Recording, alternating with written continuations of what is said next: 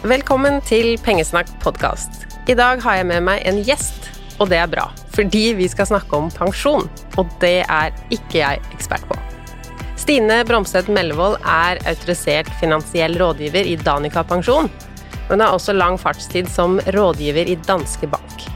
Og Stine skal være vår ekspert i episoden i dag. Hun jobber som sagt i Danica Pensjon, og fordi Pengesnakk og Danica Pensjon har et samarbeid i år, så er denne episoden merket som annonsørinnhold. Men det betyr ikke at denne episoden ikke er relevant for deg som ikke har pensjonskontoen din i Danica. Dette er generell pensjonsinformasjon vi skal eh, snakke om i dag. Og veldig mange av spørsmålene jeg skal stille Stine, de kommer fra dere lyttere. Jeg har med meg Stine på Zoom. Hei, Stine. Hei, hei. Hvor holder du Takk til? for at jeg fikk komme. Hva sa du? Hvor holder du til? Du, nå Jeg bor i Trondheim, og nå sitter jeg på hjemmekontor, da. Eh, Det har jeg nå for så vidt gjort siden 13. mars, så det trives med det. år. Og du, du syns det er gøy å snakke om pensjon, du? Ja, det er, det er jo noe jeg har jobba med i ganske mange år. Ja. Eh, man blir jo aldri ferdig utlært på, på pensjonsområdet, for der skjer det jo stadig vekk endringer. Men jeg syns det er veldig artig å eh, både hjelpe folk å få mer oversikt, men også å, å snakke mye og, og følge med litt på, på pensjon. Og det at det stadig endrer seg med nye ordninger, er jo kanskje en av tingene som gjør at folk syns det her er veldig komplisert. Ja. Eh, Hva tenker du når personer du møter i jobben din, eller utenfor jobb også egentlig, som sier at de gidder ikke å sette seg inn i pensjon? Er det greit å ikke bry seg om pensjon og tenke at det ordner seg etter hvert, eller er dette noe vi må sette oss inn i? Altså, jeg har ingen problem med å forstå at folk eh, nesten litt sånn resignerer eh, i, når det er snakk om pensjon. Eh, men samtidig så syns jeg det er veldig viktig at man setter seg litt inn i eh, hva er det jeg får, og hva kan jeg gjøre sjøl eh, før jeg blir godt voksen. Eh, nettopp for at dette er jo lønna du skal leve av når du blir eldre. Så det er, det er viktig å, å gjøre seg litt kjent med sine egne pensjonstall, altså. Bra. Og du skal hjelpe oss litt med det i dag, eh, hvor vi kan finne ut og hva vi må tenke på. Og jeg tenkte vi skulle begynne med forskjellen på de som jobber i offentlig sektor og de som jobber i privat. For der er det vel en ganske stor forskjell. Ja. eh, nå har den jo blitt eh, Skal være litt forsiktig med å si at den har blitt helt identisk. eh, Uh, altså de løsningene som er i privat og offentlig sektor, men den har blitt mer lik enn den var tidligere. Ok. Eh, så altså fra privat sektor så, så man jo, snakker man jo veldig ofte om innskuddspensjon. Og der er det jo noen lovpålagte krav, hva arbeidsgivere er nødt til å spare til sine ansatte. Men der også gjøres det jo noen forskjeller. Eh, og i offentlig sektor så er det jo også noen prosentsatser som, som skal spares til de ansatte, eh, og som skal utgjøre da, en pensjonspott den dagen du blir eh, eldre, eller 67 eller 62, litt avhengig av når du skal gå av. Man ser jo ofte, når man ser pensjon sånn grafisk forklart, så ser man det som en sånn pyramide eller som et hus som er delt i tre. Og den delen fra arbeidsgiver er jo bare én av de tre. Kan Yes. du fortelle om de andre to, og så kanskje hvilken som er eh, størst? Ja. Eh, Det er jo som du sier, eh, det, det, jo, det består av flere deler. Eh, Jeg bruker ofte å si at den gjerne består av tre deler, faktisk, pensjonen vår, eh, hvor vi har folketrygd i bunn. Og det er jo det også veldig mange kaller for en grunnpensjon. Eh, Folketrygda, der vil det jo avsettes 18,1 av lønna vår opp til 710 000. Og, og det vil jo da utgjøre din pensjonspott den dagen du blir eh, 67 eller 62. Da. Og den kan man jo egentlig ikke påvirke i noe sånn særlig stor grad sjøl. Den er nå der, og det er en livsvarig ytelse man vil få. Den vil man da rett og slett få til man går i, man går i kassen, da, må jeg bruke å si. Eh, og så har man del to, og det er jo det arbeidsgiver sparer til oss. Og der er det jo store forskjeller, eh, nettopp fordi at eh, arbeidsgiver står jo egentlig liksom fritt til å avgjøre også hvor mye skal spares til de ansatte. Eh, og, og, her er det jo mye man kan faktisk gjøre sjøl også, som vi kommer til å komme tilbake til litt i dag òg, da. Eh, men så er det del tre, eh, og det er jo den private pensjonssparinga. Og den vil jeg si kanskje bare har blitt viktigere. Eh, det er som du sier, den her Fordelingsnøkkelen mellom de her tre delene da, den, den har endra seg litt grann, de siste 10-15 årene. Så, så, vi anbefaler jo at man skal opprettholde ca. 80% av den lønna man er vant med å ha den dagen man går av med pensjon. Ja. Eh, og for å oppnå det så må man kanskje påregne oss å spare noen kroner sjøl i måneden. da. Så den private pensjonssparinga er blitt, eh, blitt, viktigere. Men det er i hvert fall de her tre delene som skal utgjøre din pensjonspott den dagen du skal gå av. Og det er det du skal leve av, da. Lønna di. Og de som hører på nå, er sikkert nysgjerrige på hvordan ser min fremtidige pensjon ut? Hvor, hvis man har lyst til å sjekke opp litt, hvor skal man eh, starte? anbefaler folk flest å starte eh, på norskpensjon.no. Eh, du nevner jo de her søylene. Eh, der vil man få veldig fine søyler for å se litt eh, hva er det jeg kan forvente å få i folketrygd, basert på, de, på den inntekta du har i dag og når du skal gå av. Eh, hva er det som er spart hos arbeidsgiver til meg? Både dagens, men også tidligere arbeidsforhold. Eh, og hvordan ligger jeg an Eh, i forhold til prosent av dagens lønn. Så må man ta et ja, noen må ta et grep, andre sier seg kanskje fornøyd. Så, så der, men det, det, er i hvert fall førsteplassen jeg ville ha starta og begynt å, å, se hvordan det ser ut. da.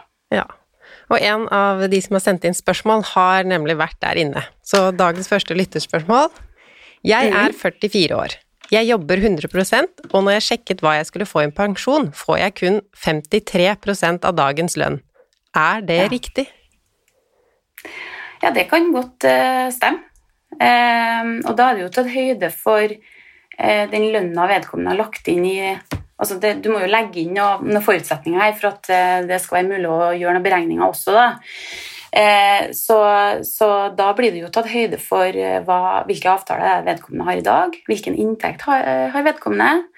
Så, så, den altså, Med 100 skal jeg jo ikke si at det stemmer, sant? for det er jo ganske mye som kan skje til denne 44-åringen skal bli pensjonist. Men det er nå i hvert fall de beste beregningene vi får til å gi, sånn som situasjonen er i dag. da. Ja. Og når jeg var inne og sjekka for noen år siden, så kom jeg jo rundt sånn 50% Så det er vel mm. egentlig svaret på neste spørsmål, som er hvorfor sier alle at man bør spare selv, i tillegg til det jobben sparer for meg? Og det der er jo veldig individuelt. Eh, og, og, det går jo også litt på hva er det som er dagens inntekt, ikke sant? Eh, der er det jo voldsomme forskjeller. Eh, sånn at jeg tror man må stille seg egentlig spørsmålet sjøl hvordan ønsker jeg å ha det når jeg blir pensjonist? Eh, hvordan ser gjeldssituasjonen min ut den dagen jeg blir pensjonist? Eh, og Det er litt sånn, sånne type tanker man er nødt til å gjøre seg for å se litt eh, hva er det jeg eventuelt er nødt til å gjøre sjøl for å oppnå den lønna som jeg ønsker å ha den dagen jeg blir eldre. da. Ja, jeg er helt enig i at det er et bra sted å starte, fordi det kan jo ja. virke så langt fram. Skal, men forhåpentligvis så blir man jo pensjonist eh, en dag og lever så lenge, og da vil man jo leve på en måte man vil. Og ja. noen har kanskje lagt opp til at da skal jeg være gjeldsfri og kan gå ganske ned i inntekt, mens andre mm. tenker at nei, da skal jeg reise på cruise og ha en hytte som er stor nok til alle barnebarna, og lagt opp til et mye ja. høyere forbruk. Så å se ja. den prosenten og ta stilling til om det kommer til å holde i mitt tilfelle eller hvert enkelt tilfelle, det, det er et lurt sted å starte. Ja. Og så er det den derre eh, Med tanke på privat eh, sparing, da. Eh, her har man muligheten til å påvirke slik at man ikke er tvunget inn i en, inn en begrensa levestandard, da, hvis du skjønner meg. Eh, at man faktisk står fritt til å velge sjøl. Nettopp for at det er ikke økonomien som holder meg tilbake til å ja, dra på cruise eller eh, gjøre de tingene man ønsker. Da. Så det syns jeg er litt sånn viktig. Eh, man, eh, og når man blir 67, eh, så er man såpass voksen at man ønsker å bestemme sjøl. det er ikke noen andre som skal fortelle deg hva du skal gjøre. Eh, så, så, det vil jo eh, med en privat eh, sparing da, for eksempel, eller en god pensjon, eh, vil jo selvfølgelig gi deg større frihet til å velge. Eh, men så Vi snakka jo litt om offentlig og privat, men så er det jo vanlig nå å bytte jobb mange ganger i løpet av et arbeidsliv. Og kanskje også ja. mellom å være offentlig ansatt og å være privat ansatt. Kanskje også litt selvstendig næringsdrivende inni der. Blir dette veldig rotete? Det kan jo oppleves som rotete, eh, men igjen så er det jo åpna opp nå for eh, at det er mulig å samle en del. Eh, nettopp for at man skal få en bedre oversikt. Slik at Det vil jo komme veldig godt til syne dersom man har noe fra privat. Hvis man har vært selvstendig, så er det jo med mindre du har starta noe selv, så, så, det noe sparing sjøl, så, så, er det jo ingen andre som har spart for deg når du har vært, eller er selvstendig næringsdrivende. Eh, er du offentlig ansatt, så vil du jo også ha muligheter for å hente opp pensjonstallene dine der. Eh, men det er jo det å prioritere og sette av litt tid til å faktisk gå gjennom det for å skaffe seg oversikten først og fremst. Og så må man jo ta noe valg ut ifra det. Eh, så, så, det skal være mulig å få en oversikt hvis man bare setter av litt tid til å skaffe seg den oversikten. Nå har det jo kommet noe nytt som heter pensjonskonto. Mm. Men før vi snakker om den, så skal vi snakke om en annen ordning som mange har hørt om, og som de lurer på er dette relevant for meg, er dette noe jeg må gjøre, burde gjøre, eller hva er IPS? Ja, IPS. Jeg føler at uh, det er veldig mange uh, Altså, det ble jo relansert uh, ny IPS med nye skatteregler og etc. her for Var det i 2018? Fort. 2017-2018. Ja. Jeg føler at IPS det kan være passende for noen, men jeg syns ikke det passer for alle. Eh, slik at der må man egentlig vurdere litt hva er det jeg ønsker, hvilke fordeler og egenskaper ønsker jeg med den individuelle pensjonen min, eh, altså private pensjonssparinga mi, eh, for å se om IPS vil være noe som passer for deg. Så kan du ta oss gjennom hva som er fordelene, og hva som er eventuelle ulemper med en sånn IPS-sparing? Ja, altså Fordelene for de aller fleste det er jo det her eh, skattefradraget i spareperioden. Altså Du får jo skattefradrag for det du sparer. Eh, det er jo for mange en fordel. Ja, For da kan man spare mer? Eh, ja, du kan maks spare 40 000 kroner i året på en IPS, da, og så vil du få skattefradrag deretter. Men ulempen vil jeg jo si at pengene er bundet. Du mister da fleksibiliteten din. Eh, og det er jo kanskje spesielt hvis man starter å spare i en ung alder da, eh, og har lenge igjen til man skal ha de her pengene, så er det ganske mye som kan skje på veien her. Det er jo ingen av oss som vet hva som skjer i morgen, og det kan jo være bra, det, for så vidt. Men igjen så, så kan det dukke opp ting på veien her som gjør at man faktisk har behov for å enten ta hele eller deler av den sparinga man har øremerka til pensjon. Da. Og, og det, den muligheten mister man jo ved å ha en IPS. Ja, for der er det låst til du er 62, og selv da så kan du ikke få ut hele potten. Da skal det fordeles ut som en ja. lønning på en måte hver måned. Ja, korrekt. Så det er som jeg sier, for, for dem som på en måte ønsker å binde pengene sine, og, og har kanskje behov for skattefradrag i en periode, da, så, så, er jo IPS en fin løsning. Eh, men jeg må si det er svært sjeldent at jeg anbefaler det eh, til veldig mange, da. Ja. Det er det. Mm. Men du anbefaler mange å spare selv. Og det gjør jeg. hvordan skal de finne ut hvor mye de skal spare? Det der er jo et veldig individuelt spørsmål. Eh, og det er jo økonomien og pengeboka, altså lommeboka di, som bestemmer hvor mye har jeg egentlig råd til å sette av til dette formålet, eh, og hvor mye ønsker jeg å sette av til dette formålet. Eh, så det syns jeg alltid er et veldig vanskelig spørsmål. Eh, men eh, det jeg syns er viktig å si, er at man må spare etter evne. Man må jo sette seg ned og se på hva er det jeg faktisk har muligheten til å avse til dette formålet hver måned eller hver andre måned. For at eh, noe er bedre enn ingenting. Kan Ja. man si noe ut ifra alder? En 20-åring eller en 40-åring?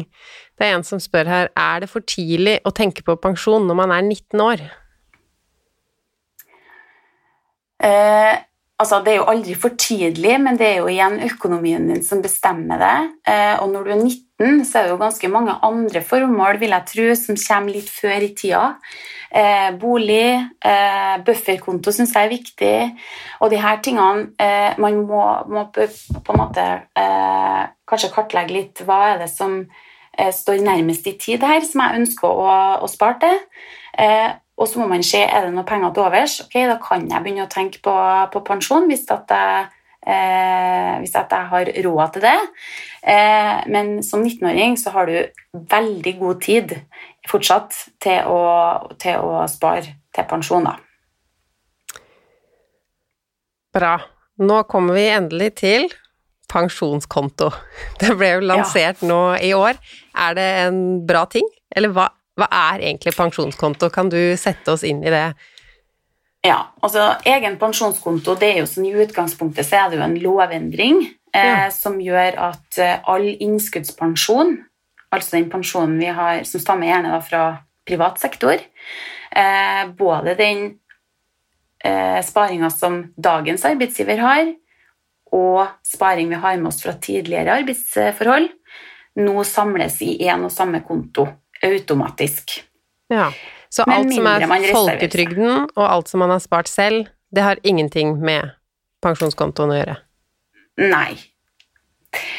Eh, med unntak av gammel IPS, da.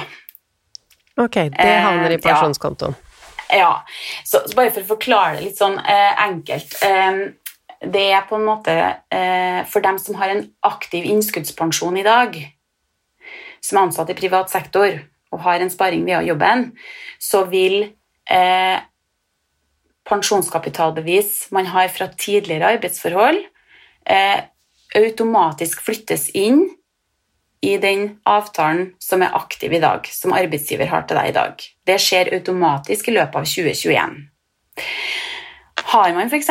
IPS, da, som det er blitt spart i før 2017, altså en gammel IPS med andre, andre skatteregler, den kan man gjøre om, og den kan flyttes inn i også egen pensjonskonto. Men da må man gjøre det selv. Den hopper ikke inn Ja. der automatisk, sånn som de fra gamle arbeidsgivere. Nei. Nei, stemmer. Så har man jo muligheten til å reservere seg mot at denne flyttinga eller denne samlinga skjer. da. Det er også mulig å gjøre, og det gjør man enkelt i norsk pensjon da, hvis man ikke ønsker at alt skal samles. da. Ja, for når skjer denne samlinga?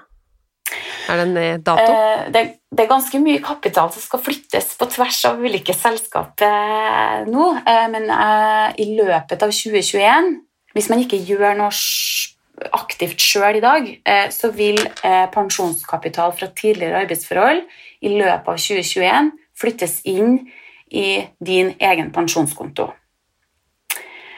Man har jo noen muligheter her, da, eh, hvor man hvis man ønsker å fremskynde prosessen, f.eks., at man ønsker at det skal samles nå, så har man anledning for å gå inn på Norsk pensjon. Der vil man jo få en full oversikt over da, både den avtalen man har aktiv i dag, men også da pensjonskapitalbevis fra tidligere. Og da har man muligheten til å enten trykke 'reservere seg mot at det her skal samles', eller huka for at man ønsker at det skal samles nå. Og da tar det ca. Ja, en måned, 30, 30 virkedager da, cirka. Da har man fått det samla. Så da har man fremskynda hele prosessen. da. Og hva er den store fordelen med å samle det? Er det at det er oversiktlig, eller er det noen økonomiske fordeler også med den, å samle det et sted? Ja, det vil jeg jo si er begge deler, da. Eh, fordi at eh, det vil jo bli mer oversiktlig, og det er jo nettopp det veldig mange etterlyser når det gjelder pensjon. At det skal Altså, jeg vet ikke hva jeg har, jeg vet ikke hvor jeg har det, eh, og hva vil det gi meg? Eh, det er jo et sånn typisk, eh, det er et typisk spørsmål jeg får som rådgiver eh, nesten hver dag. Sånn at det vil jo bli mer oversiktlig når du har muligheten for å logge deg inn på én plass og få en full, tilnærmet full oversikt over hvordan pensjonen din ser ut. Det er jo det ene. Men samtidig så eh, Når man har pensjonskapitalbevis eh, plassert hos flere ulike leverandører, eh, så betaler man jo også gebyr for at eh, noen skal passe på de her pengene og forvalte dem på en god måte. Når man samler det her, så blir jo totalt sett mindre gebyrer å betale. Og det betyr jo igjen at du sitter igjen med mer penger til din pensjon. For da har det mindre, gått mindre til kostnader, og så sitter du igjen med mer penger i din pott. da. Men så sier du også at man kan reservere seg mot at det her skal skje. Er det noen fordeler ved å ha det fordelt ut på flere selskaper? Eller kan det være det?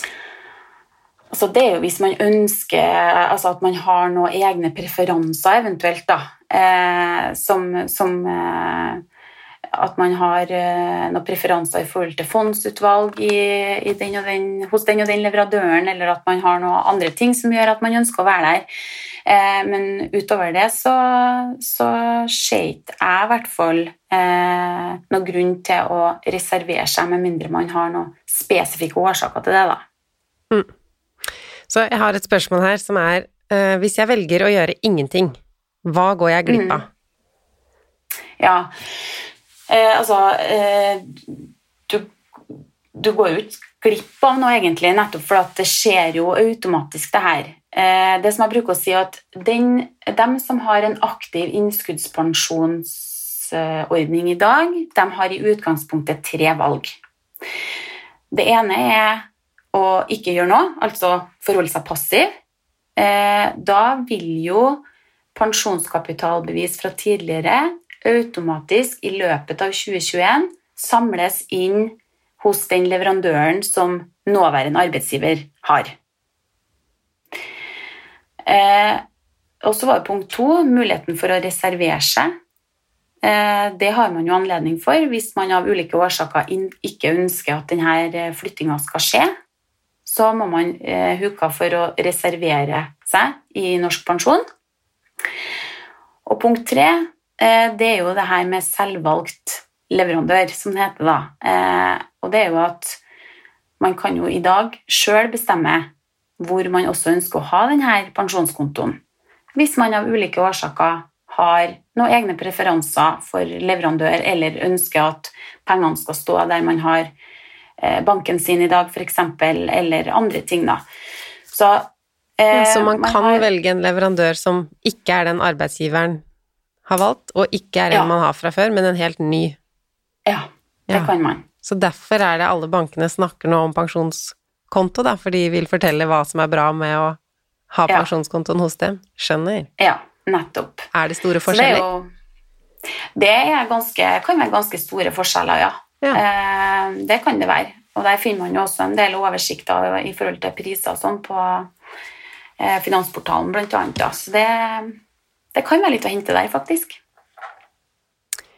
Men er det ikke en fordel eh, den som arbeidsgiveren har valgt? Da er det vel arbeidsgiver som betaler årsgebyret og mm, Forvaltninga. Mm. Ja. Er det ikke lurt å alltid velge da, eller kan det fortsatt være økonomisk å bytte selskap, selv om du da må betale gebyrene selv? Ja, altså du kan jo eh, Det kan jo Altså svaret på det må jeg si både kan være ja og nei, egentlig. Ja. Eh, hvis man ønsker å velge leverandør sjøl, altså at man skal opprette, opprette sin egen pensjonskonto i, eh, hos en annen leverandør enn det jobben har, eh, og man finner en rimeligere løsning hos en annen leverandør, så eh, vil man jo eh, Arbeidsgiver eh, blir jo på en måte fakturert med det han, han vil ha betalt hos sin valgte leverandør. Så da betyr det jo at hvis du får en rimeligere løsning ved en selvvalgt leverandør, så vil jo det bety at du vil få tilført kapital på din pensjon. La oss, nå, ja, la oss, nå, si at arbeidsgiver betaler 2000 kroner da, for din sparing i, hos en leverandør og så velger du å flytte det til en rimeligere løsning som bare koster 1000 kroner i året, så får du, eh, du får fortsatt overført de her pengene, eh, slik at du da får jo 1000 kroner oppå pensjonen din ekstra hvert år. Ja, Så da er det jo det virkelig verdt å sjekke ut disse ulike leverandørene. Ja, det er det. Og, og i motsatt fall, da, hvis du velger en dyrere løsning, så vil jo du må jeg holdt på å si bøte for det, da. Mm. Kan man sette inn ekstra penger der selv, eller er det bare arbeidsgiver som kan uh, sette inn penger på denne kontoen? Her er det nok bare arbeidsgiver som, uh, som setter inn, med unntak av den eh, altså tidligere sparing. Det er jo enkelte tidligere spareprodukter som gammel IPS, enkelte typer med IPA, som er enda gamlere spare, spareløsninger, de kan inngå. Men det er ikke mulig å sette opp en fast spareavtale inn til egen pensjonskonto. Det er ikke mulig. Skjønner. Men hva skjer inni denne kontoen, da? Er det fondssparing, eller er det en sparekonto? Hva, hva skjer inni pensjonskontoen? Ja, Nei, altså det, der er det jo altså det er jo Når vi snakker om eh, pensjon, eh, så, så, er det jo ikke bankkonto vi snakker om lenger. Eh, da er det jo ofte eh, fond. Eh, og, og plasseringer som eh, gjerne med en fordeling mellom renter og aksjer. Det er jo ikke uvanlig når en arbeidsgiver starter en sparing til oss, så skiller jo ikke arbeidsgiver på om det er 40 år til du skal gå av, eller om det er 5 år til du skal gå av med pensjon. Eh, slik at da velger ofte arbeidsgiver en middels profil, altså en, litt i rentepapirer, men også litt i aksjeeksponering. Og der er det jo ganske mye man kan gjøre sjøl for å justere, eh, justere, det her på egen hånd. Og det vil man få muligheten til eh, også i egen pensjonskonto. Og da har man samla pensjonskapital fra tidligere, sånn at man har alt i én pott. Så slipper man jo å gjøre de samme justeringene hos så veldig mange leverandører, for da kan man logge inn én plass og gjøre de samme justeringene for hele sparinga si. Ja. Har du noen sånne retningslinjer på hva man burde endre til? Kanskje forskjellig om man er 60 år eller 50 år eller 30 år? Ja, der er det jo også noen individuelle forskjeller, men sånn på generelt eh, grunnlag så vil jeg jo si at eh, er det 10-15 år og mer til du skal gå av med pensjon, så tåler de aller fleste av oss å sitte med 100 i aksjer på denne sparinga ja, det vil nok svinge litt mer, altså pengene vil svinge mer, eh, men igjen, historisk sett så vil man nok også oppleve å få potensielt mer i avkastning da, på sparinga si. Ja. Det, det, kan jo, jo høres skummelt ut å investere så mye i aksjer, og et av spørsmålene er jo også kan man ende opp uten pensjon dersom man høyner til høyere aksjeandel? Ja, eh, det der er jo et spørsmål som, er, som veldig ofte dukker opp. Eh, og, og, for dem som på en måte kanskje ikke har spart på denne måten tidligere, så er, jo, er det jo en skepsis der. Eh, og det kan være forståelig. Det som jeg sier at man, Har man jo 100% i aksjer, så må man på en måte tåle at det kan svinge litt. og Det er derfor tidshorisont er så viktig. da. Altså når jeg skal ha de her pengene.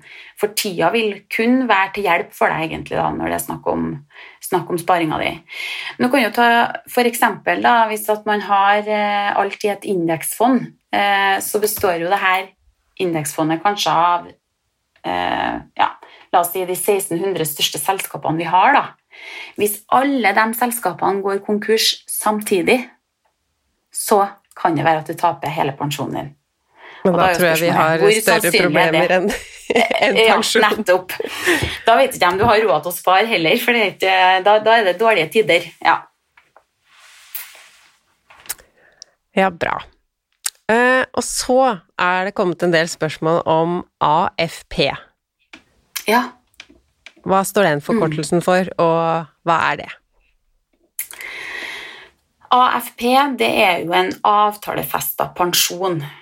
Eh, og det man egentlig kan si, eller det jeg ofte bruker å si, det er jo egentlig at det er et eh, spleiselag mellom eh, Nav og arbeidsgiver som skal gi deg en eh, eh, ekstra pensjon, da egentlig fra du er 62 til du, eh, til du går av med Eller til du, til du ikke eter noe mer. Altså den er livsvarig, da, den ytelsen. Og der finnes det jo egentlig to typer, da. Eh, fordi man har jo AFP i privat og offentlig sektor, og der har det jo vært litt forskjeller, egentlig.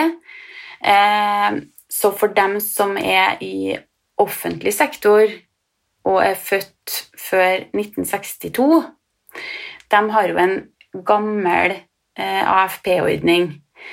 Eh, og for dem så eh, skal, skal AFP-en gi dem mulighet for å faktisk gå over fylte 62 da, og sørge for at du får lønn og pensjon eh, fra 62 til 67. Fordi folketrygden utbetaler ingenting før 67, er det sånn det er? Ja, altså, eh, nå er det jo litt endra det her, da. Eh, nettopp fordi at offentlig sektor har jo fått en tilnærma mer lik ordning som vi har hatt i privat sektor i ganske mange år. Så eh, fra, fra, i fjor, altså fra 2020, så eh, er AFP i privat og offentlig sektor blitt mer lik. Eh, du har mulighet til å ta ut AFP fra fylte 62, og det vil være en livsvarig utbetaling som du vil få. Men for å starte uttak av AFP så er du også nødt til å starte å ta ut minimum 20% av folketrygden din. Den kan man jo Jeg vet ikke hvor mye jeg skal gå i dybden her, da, men, men man har muligheten til å starte utbetaling. Så kan man jo faktisk gå tilbake og, og stoppe utbetalinga fra folketrygd hvis man ønsker det. da. Hvis man begynner å eh, jobbe igjen, eller? Uten å begynne å jobbe igjen? Nei, ikke, eh, ikke, du trenger ikke å jobbe igjen, men du, da kan du starte uttak. Men du har jo muligheten til å jobbe ved siden av i tillegg til å ta ut her, da. Det er jo mulig. Ja. Men ja. så er det vel ikke så, sånn at alle har AFP? At alle kan gå av ved 62? Nei. Det, altså, alle har jo muligheten til å starte å, altså, å gå av ved 62. Eh, for du har jo muligheten til å starte uttak både på pensjon som arbeidsgiver har til deg, og folketrygd ved fylte 62. Eh, ja. Men om det lønner seg, det, det, er jo veldig vanskelig å svare på.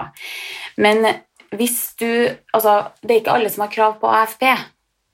Eh, og da, da, må man jo undersøke med, med, arbeidsgiver, og det er jo da privat sektor, om de er en del av AFP-ordningen.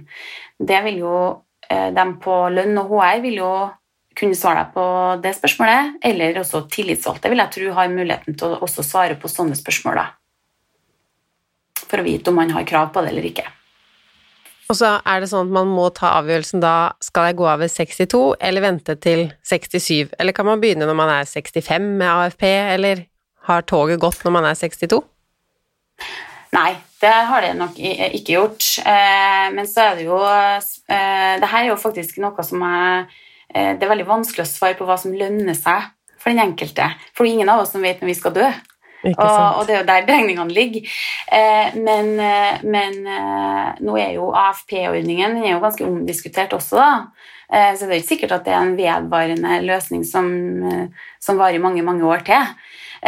Så for dem som har muligheten til å faktisk begynne å ta ut ved fylte 62 for å sikre seg AFP-en sin, så kan ja, det, det være en gunstig ting å gjøre.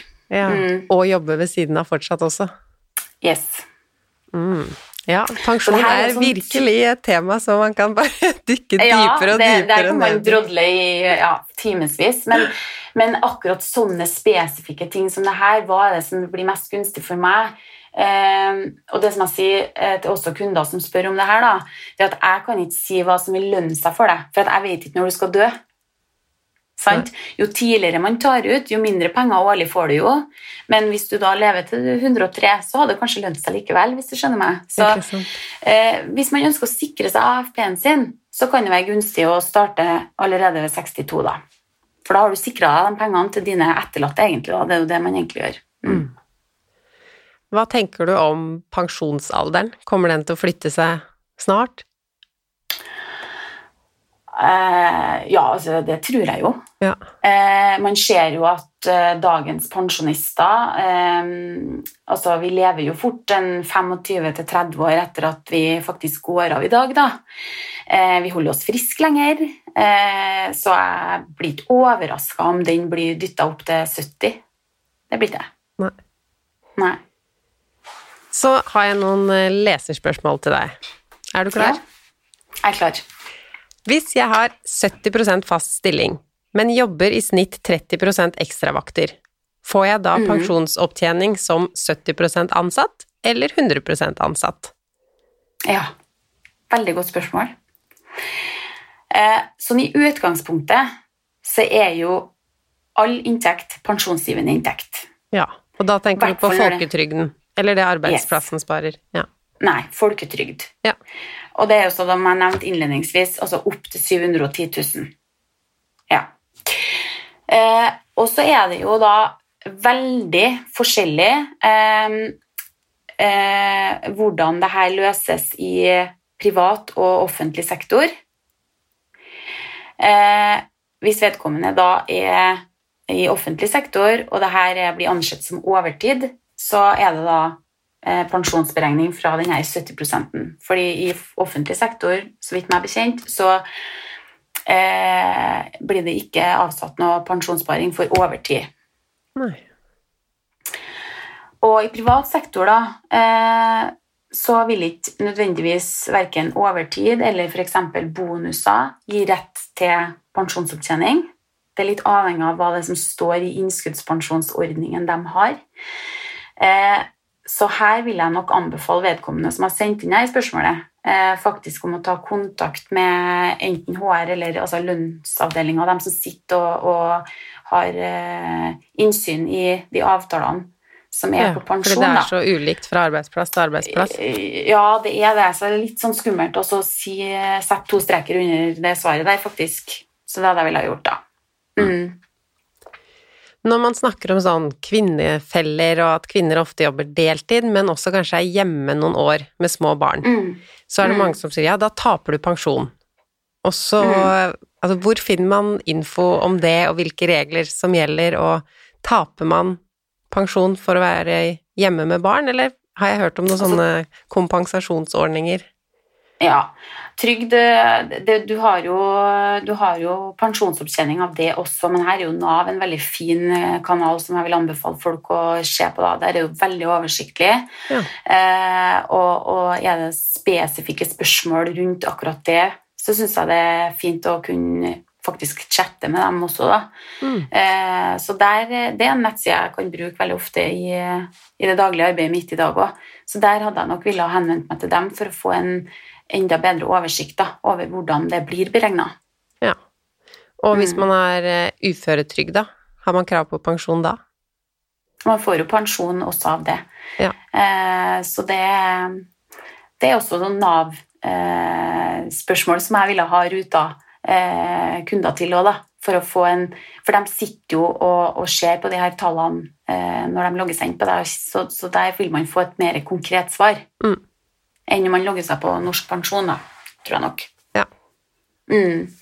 Hva hvis man vil pensjonere seg tidligere enn 62? Hvis man er 50 år, Ja. hva skjer da? Eh, det vil jo påvirke pensjonen betraktelig, eh, og det er jo flere årsaker til det. Eh, men sånn innledningsvis så snakka jeg jo om denne tredelinga. Eh, hvordan denne pensjonspyramiden kan se ut. Eh, og la oss si at eh, noen har lyst til å gå av ved fylte 50. Så vil jo det bety at det er ganske mange år vedkommende da står uten lønn og inntekt hvor det da ikke blir avsatt penger i folketrygd, hvor det ikke er en arbeidsgiver som setter av noen kroner til deg, eh, så da vil jo den reduserte lønna di da vil jo egentlig forplante seg ut i pensjonstilværelsen din i tillegg, for at du har lav opptjeningstid, da, som det heter.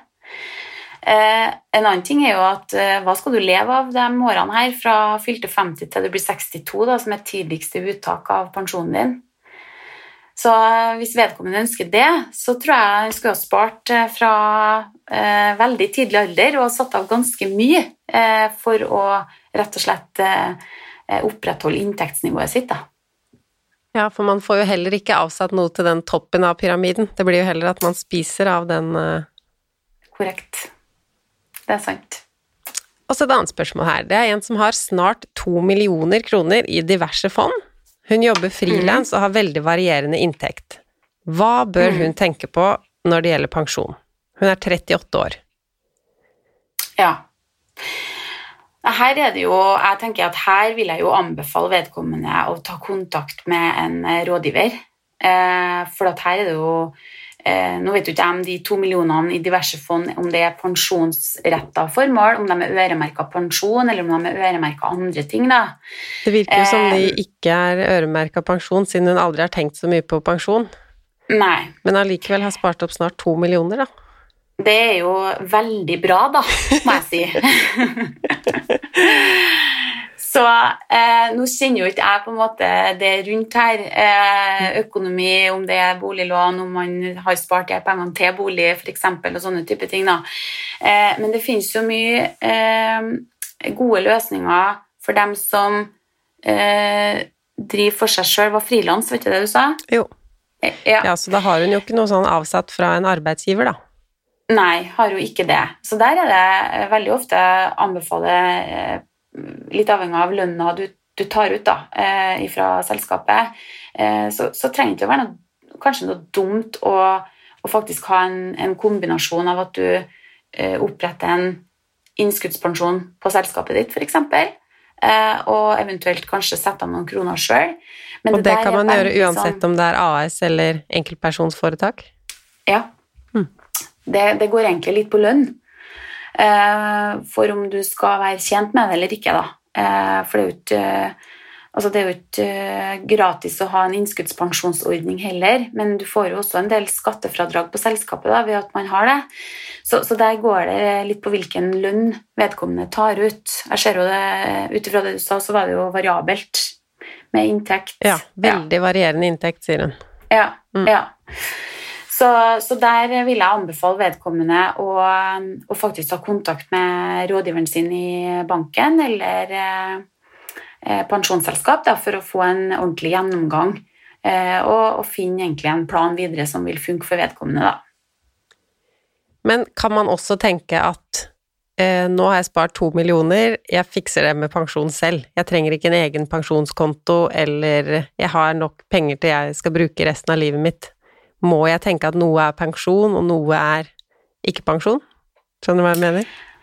Her skjønner jeg. Eh, man må jo ikke det. Eh, det handler jo litt om hvordan eh, du er som type sjøl òg. At man er litt strukturert og på en måte tenker at eh, de her to millionene da er disponibelt for meg den dagen jeg skal gå av med pensjon. Eh, og så er jo spørsmålet hvilke type løsninger Altså hvilke fordeler og egenskaper ønsker man med sparinga si. Eh, det er jo også eh, et viktig element oppi det hele. Eh, hva er det hvordan ønsker jeg at utbetalingene skal være den dagen jeg skal gå av? Har jeg behov for at eh, sparinga mi får en lavere risiko desto nærmere utbetalingstidspunktet jeg kommer? Da er vi veldig mer inn på hvilke type produkter bør du spare i som vil ivareta de tingene som er viktige for deg. da. Ja. Og det finnes det Så- rådgivere som kan hjelpe til med. Ja, det gjør det. Og man finner jo masse informasjon også på nettsidene til de ulike leverandørene på både pensjon, men også banker i dag. Ja. Der ligger det jo veldig mye nyttig lesestoff, da. Så hvis jeg går inn på Danica pensjon, for eksempel, så finner jeg Mm. Ja. Der er det jo egne faner for sparing, og så står det jo der hvilke spareprodukter som, er, eh, som vi tilbyr, og, og hvilke fordeler det har. Eh, og ja, egenskaper, og eh, hvordan man går frem egentlig for å, for å opprette det. da. Kan jeg sjekke også hvilke fond man har muligheten til å investere i fra pensjonskontoen, eller fra IPS-en, eller fra de ulike Ja. Ja. Der skal det jo også ligge synlige fondsmenyer. Det tror jeg stort sett alle, eh, alle har synlig, da. Nettopp for at det skal være enklere for den, for den enkelte å, å manøvrere seg frem. Det, altså, det er jo en jungel. Eh, fondsverdenen er jo en jungel, men Ja, du er enig i det? Det er bra. eh, ja, det er jeg enig i. Neste spørsmål, det har vi jo vært eh, innom, jeg vet ikke om du vil ta noe mer på det, for det er en som spør, kan jeg spare til pensjon to plasser? Jobben sparer for meg, men kan jeg også ha en konto hos eksempel Danica? Er det fordeler eller ulemper ved å spare to steder? Mm. Da forstår jeg det som at uh, her er det snakk om å eventuelt opprette en privat pensjonssparing da, i tillegg til det den jobben har, eller? Det virker jo sånn. Mm. Ja. Altså, det er fullt mulig. Det står man jo helt fritt til å velge sjøl.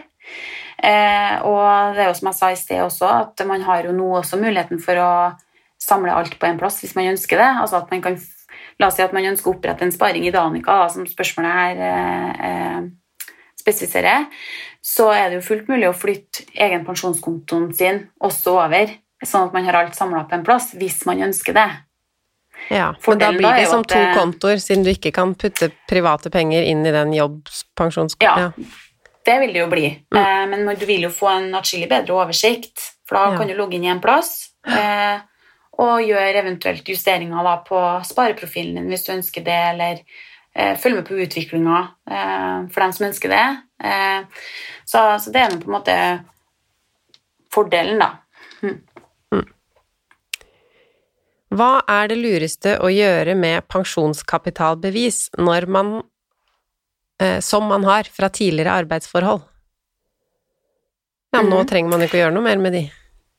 Nei, egentlig så trenger ikke man å gjøre Hvis man har en aktiv innskuddspensjon i dag, da. Ja. Hvis man har en aktiv innskuddspensjonsavtale i dag, så trenger man egentlig ikke å gjøre så veldig mye sjøl. For da hopper de inn. På samme konto. Hva Ja. med fripoliser? Fripoliser er jo ikke en del av denne ordningen her. Eh, det Hva er en fripolise fra- egentlig? Kanskje du kan fortelle oss det?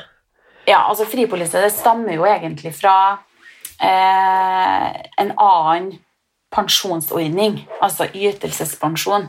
Altså veldig ofte offentlig, den som er offentlig sektor eller har jobba der, har jo gjerne fripoliser. Eh, det er jo nå bare færre og færre pensjonsavtaler som er altså ytelsesordninger, da. Eh, så den er litt sånn utdøende, den denne fripolisen. Ja. Eh, men de er Det er annen, annen, andre regler i forhold til utbetaling, annet, på mange av dem. Eh, og det er ikke alle som har eh, muligheten for å velge eh, investeringsvalg, altså ha noe valg på, på investering sjøl, annet. Så, så de passer liksom ikke inn i denne egen pensjonskonto, da, for at du er ikke, står ikke like fritt. Så Derfor så inngår ikke fripoliser i egen pensjonskonto, og de eh, blir også værende i de selskapene de står i per i dag. ja. Så det er egentlig det ingenting som- å gjøre med de. Nei. Så det som kan flyttes, det er jo det som stammer fra innskuddspensjonsordninga, og det heter jo pensjonskapitalbevis. Ja, det er så mye fagord òg, vet du. Så, men eh, det med altså, Du nevner jo eh, Eller jeg sier jo noe med offentlig ansatte, og det er litt sånn viktig, for at eh, selv om du i dag jobber i offentlig sektor, da har jo du ikke en aktiv innskuddspensjon i dag. Nei. Men det kan jo være at du har jobba i privat sektor tidligere og har pensjonskapital fra før. Da vil jeg jo anbefale deg å samle dem her på én plass. Og det Ja, må du men det selv. skjer det ikke av seg selv. Nei. Nei. Sånn som Nei. meg, da. Så jeg jobber jo ingen steder. Men jeg har jobba før. Ja. Du jobber nå, men du er din egen sjef. Ja, ja. Ja. Jeg har ikke noe aktiv innskuddspensjon, da. Nei. Da kan det jo være at du har pensjonskapital fra før hos da La oss si at du har eh, hos fire ulike leverandører fra ti tidligere, da, altså fra fire ulike arbeidsforhold opp igjennom. Ja, det har jeg fort. Dem må du faktisk sjøl samle.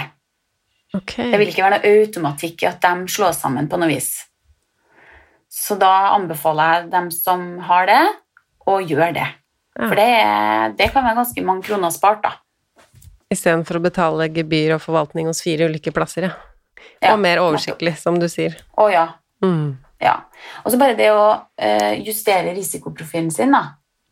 Ja. Det er jo eh, altså bare det å kunne logge inn i en plass og gjøre den samme justeringa på hele, istedenfor å holde på å logge deg inn på fire forskjellige plasser og gjøre det samme. Så det, det anbefaler jeg, da. ja, det høres veldig lurt ut. Da fikk jeg noe, noe å gjøre i dag, i hvert fall. Ja, så bra! Og flere òg. Er det noe sånn du vil eh, oppsummere eller råde til Altså hvis man har en eh, jobb i det private, så skjer det med den nye pensjonskontoen av seg selv. Hvis man ikke reserverer seg. Ja. Og hvis man jobber i det offentlige og alltid har gjort det, så har ikke Da trenger man ikke å tenke på pensjonskonto i det hele tatt. Nei. Og hvis man jobber i det offentlige, men har jobba i det private Hvis det da har Samle. vært flere jobber, så må man samle det selv. Ja. da anbefaler jeg å samle pensjonskapitalen som man har fra tidligere. Ja. Ja, ja, har vi skjønt det, da? ja det virker sånn. Jeg håper de som hører på, har gjort det òg. Det håper jeg, og det er jeg sikker på. Hvis jeg har greid å bli klokere, så er jeg sikker på at de hjemme har blitt det også. Men sånn helt til sist, er det noe man hører om eh, pensjon at man burde gjøre, eh, så er det å justere risikoprofil. Og for dere som jobber i bank, så er det noe som er lett å si, juster risikoprofil. Men for oss som sitter hjemme, juster risikoprofil. Hva er det, da? Og hvordan gjør Ja. jeg det? Nei, altså hva det er eh, Det er jo rett og slett, som jeg nevnte i, i sted også eh, Hvis det er lenge til du skal ha de her pengene, så tåler man nok mest sannsynlig eh, å sitte med litt mer risiko på den sparinga. Altså at man har en hovedeksponering i aksjemarkedet. Og Det er jo ikke tvil om hvor avkastninga ligger, hvis man ser på de historiske tallene, i hvert fall. Og, og vi forventer jo gjerne at historien vil jo gjenta seg. Eh, så mitt eh, kanskje siste tips er jo det her med å logge deg inn og se på hvordan er pengene dine forvalta i dag. Eh, altså hvordan fordeling er det mellom renter og aksjer. Og hvis det er mer enn 10-15 år til du skal gå av, så tåler du en ja, jeg har lyst til å si 100, mellom 80 og 100% i aksjeeksponering. For det her vil i de aller fleste løsningene som arbeidsgiver har, i hvert fall, så vil det bli ivaretatt det her med å nedtrappe risikoen desto nærmere utbetalingstidspunktet du kommer. Ja, og det er jo lurt. sikre at ikke Ja, for at det er jo en forskjell der. Er det fem år til du skal gå av, så anbefaler jeg jo selvfølgelig at man ikke eh, har fullt så mye eksponert i aksjer, for at man ikke vil at pengene skal svinge fullt så mye. da. Altså at man må begynne å trygge investeringene sine mer. da. Så eh, mitt tips gå inn og se hvordan er pengene forvalta i dag, og gjør en liten justering hvis at tidshorisonten din tillater det. For historisk sett så vil du potensielt oppnå atskillig mer i avkastning hvis at du, eh, hvis at du gjør en liten justering på det her sjøl. Mm. Og jo yngre du er, jo viktigere er det. Å ja, uten tvil. Eh, Men er det sånn at hvis jeg logger inn hos f.eks. Danica Pensjon, og min pensjon står der, ser jeg Mhm. dette ordet risikoprofil og kan justere det, eller må jeg sette meg inn i masse greier? Nei, altså du skal kunne eh, Jeg vil jo tro at eh, de aller fleste selskap har jo løsninger hvor det ligger en, også en kort forklaring på hva det faktisk innebærer, og igjen klarer man også å se noen søyler på eh, hva er forskjellene i prosent, altså avkastning, da, ved at jeg gjør denne endringen, og hvordan er det fordelt. Eh, Der vil jeg tro at de aller fleste har en ganske god oversikt da, for den enkelte. Eh, Men så må jeg jo igjen påpeke viktigheten hvis man er usikker. Så det, er det jo autoriserte rådgivere som også skal ta deg gjennom dette for å hjelpe deg å finne den risikoprofilen som eh, er best egnet for deg, ut ifra tidshorisont, og selvfølgelig hvilken risiko er jeg villig til å ta på sparinga mi. For der er vi så forskjellige alle sammen. Så ikke vær redd for å spørre. Det er, det er jo Autoriserte rådgivere der er der jo for å, for å kunne hjelpe folk med nettopp sånne spørsmål som dette her. da. Det er supert. Da, hvis man ikke skjønner det selv, så ringer man. Man er ikke i veien Ja. hvis man stiller spørsmål om sin Ja. egen pensjon. Veldig bra. Takk igjen, Stine. Tusen takk.